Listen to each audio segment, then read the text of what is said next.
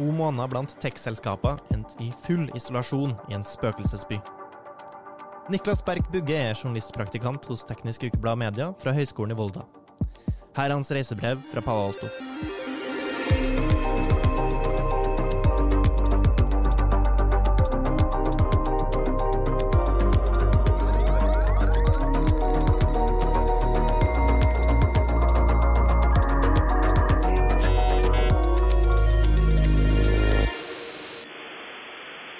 Silicon Valley er ikke et sted, men et mindset, hører man ofte blant etablerte giganter og gründere i San Francisco og omegn.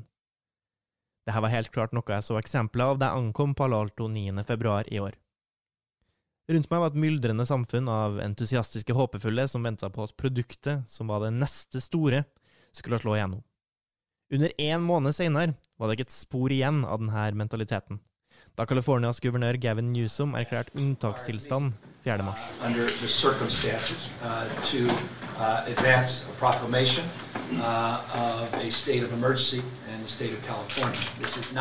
I dagene som fulgte, ble Silicon Valley kun et sted, på lik linje som alle andre. Ansatte i så godt som alle bedrifter ble enten bedt om å jobbe hjemmefra eller ble permittert. Dette begynte først i teknologisektoren, før det gradvis spredde seg til andre bedrifter i området. Energien som ellers var å finne i gatene i Bay Area, hadde så godt som forsvunnet. Dette kom som følge av flere og flere kanselleringer av viktige begivenheter.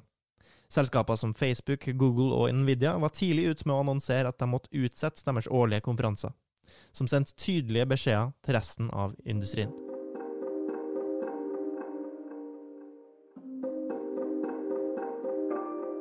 Full blokk ble fort tom. Forberedelsene mine før jeg dro til Palo Alto, var utrolig effektive og hadde kalenderen fylt opp for hele februar og deler av mars allerede før jeg satte meg på flyet. Forventningene mine var skyhøye til erfaringen jeg kom til å få, og alle de spennende mulighetene som lå foran meg. De første tre ukene fikk jeg jobb helt upåvirka av situasjonen som begynte å utvikle seg i resten av verden. Jeg fikk besøke Stanford University og fikk se hvordan forskere utvikler proteser til glassmoneter. Jeg møtte Åsmund Elhuset hos Khan Academy, og jeg møtte den norske utviklergjengen i Megacool i San Francisco. Møtet mitt i San Francisco endte opp med å bli det siste prosjektet jeg rakk å ta på meg før strengere tiltak ble satt i verk.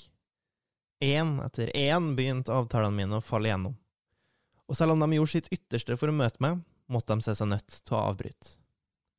16. mars ble det bestemt at folk måtte holde seg i karantene hjem fram til 7. april, i det som kalles shelter in place. Kun nødvendige forretninger og statsfunksjoner får lov til å holde åpent i denne perioden. For meg som praktikant i Palo Alto gjorde dette arbeidet mitt praktisk talt umulig. Når man ikke engang kan gå ut døra, er det spikeren i kista for en journalist som helst vil være ute i feltet og komme tett på større og mindre selskaper.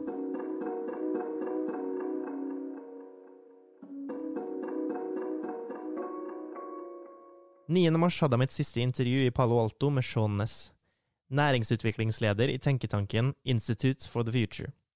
Vi tok alle forbehold, vi unngikk å ta hverandre i hendene, og vi hadde god avstand fra hverandre under intervjuet. Han fortalte meg at det er en utfordrende tid i vente, ikke bare for industrier, men for den generelle befolkningen verden over.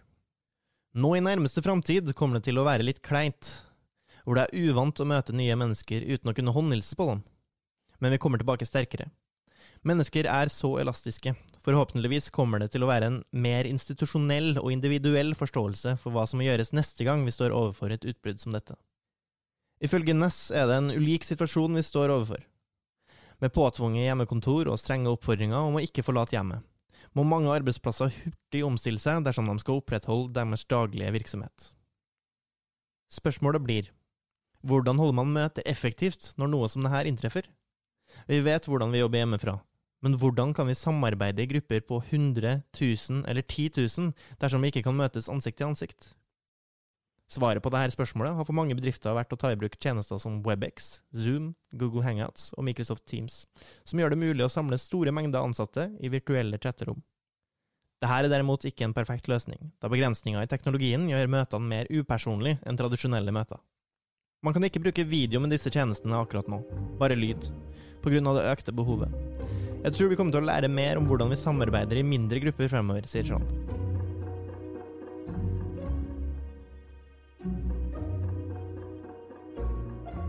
Nordic Innovation House stenger dørene. I Palo Alto hadde jeg kontorplass hos Nordic Innovation House. Innovasjon Norges hovedkvarter i California. Omringa av bedrifter fra hele Norden var utsiktene gode til å finne spennende kilder og saker å skrive om. Som alle andre bedrifter i området måtte også Nordic Invasion House se seg nødt til å stenge dørene for besøkende og begivenheter, i tråd med oppfordringa fra helsemyndighetene. Gro Eirin Dyrnes er regionleder for Invasjon Norge i San Francisco, Silicon Valley og Amerika, og var min lokale kontaktperson i Palo Alto. Hun forteller at beskjedene man har fått fra styresmaktene ikke har vært klar nok, og at stater opererer individuelt når det kommer til å takle koronaproblemet. I denne situasjonen er det tydelig at USA er et kontinent og ikke et land. Stater og byer reagerer svært ulikt. San Francisco var raskt ute med å erklære unntakstilstand og begrense folks bevegelsesfrihet. Store selskap gikk ut med ordre om hjemmejobbing tidlig, mens skolene ble holdt åpne i det lengste. Nordic Innovation House holdt åpent som kontorfellesskap helt til helsemyndighetene fraråda det her. Men de fortsetter å følge opp en minimumsløsning med posthenting og elektronisk distribusjon ukentlig, inntil de strengere restriksjonene på bevegelsesfrihet innføres. Gro gjenforteller mye av det samme som Sean Ness.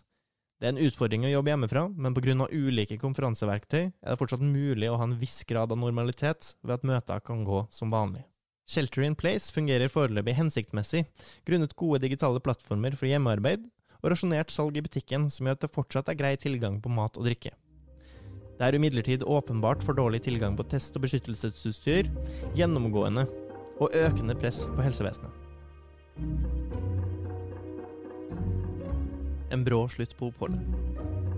Det var ikke lenge etter vi ble bedt om å shelter in place at det ble tydelig for meg at det ikke var mer å hente ved å være i USA. Signalene fra alle hold hjemme i Norge var at man burde komme seg hjem, spesielt dersom man var i land med dårlig infrastruktur, som USA. Når den norske krona i tillegg ble rekordsvak, og man ble uglesett dersom man beveget seg ut av eget hus, var det vanskelig å rettferdiggjøre å bli værende i landet som praktikant. Sjøl om undertegnede beholdt roen hele veien, ble oppholdet mitt til slutt forkorta med nesten én måned. Den 20. mars var jeg allerede på flyet mot Norge. Jeg vil kalle det en sørgelig slutt på det som potensielt kunne vært et stort eventyr. All erfaring jeg håpa på å få, endte opp med å komme i andre, mindre spennende former. Alle steder jeg hadde lyst til å oppsøke, ble stengt for allmennheten. Alle muligheter for gode personlige historier fløy ut av vinduet. Det blir feil å si at jeg returnerte til Norge uten erfaringer. Jeg har nå opplevd hvordan det er å være i et land der misinformasjon sprer seg som ild i tørt gress, og har sett hysteriet som oppstår rundt hyllene med toalettpapir i de lokale butikkene. På én side virka det som de fleste innbyggerne tok situasjonen med klinkende ro. På en annen side var det en kamp om hvem som skulle få kjøpe de siste kassene med hånddisinfisering. Oppholdet mitt i Palo Alto tok en helt annen vending enn det noen kunne ha forutsett for halvannen måned siden. Lite visste jeg at det som skulle være to måneder med aktiv rapportering om teknologi, i stedet for skulle ende med full isolasjon og nærmest ikke-eksisterende mellommenneskelig kontakt. Jeg hadde ikke villet vært foruten denne erfaringa, sjøl om den kom på et dårlig tidspunkt. Det ble kanskje umulig å fullføre de planene jeg hadde lagt før jeg dro til USA, men situasjonen rundt covid-19 er definitivt unik. Det å kunne observere dekninga av viruset gjennom den amerikanske linsa har uten tvil vært lærerikt.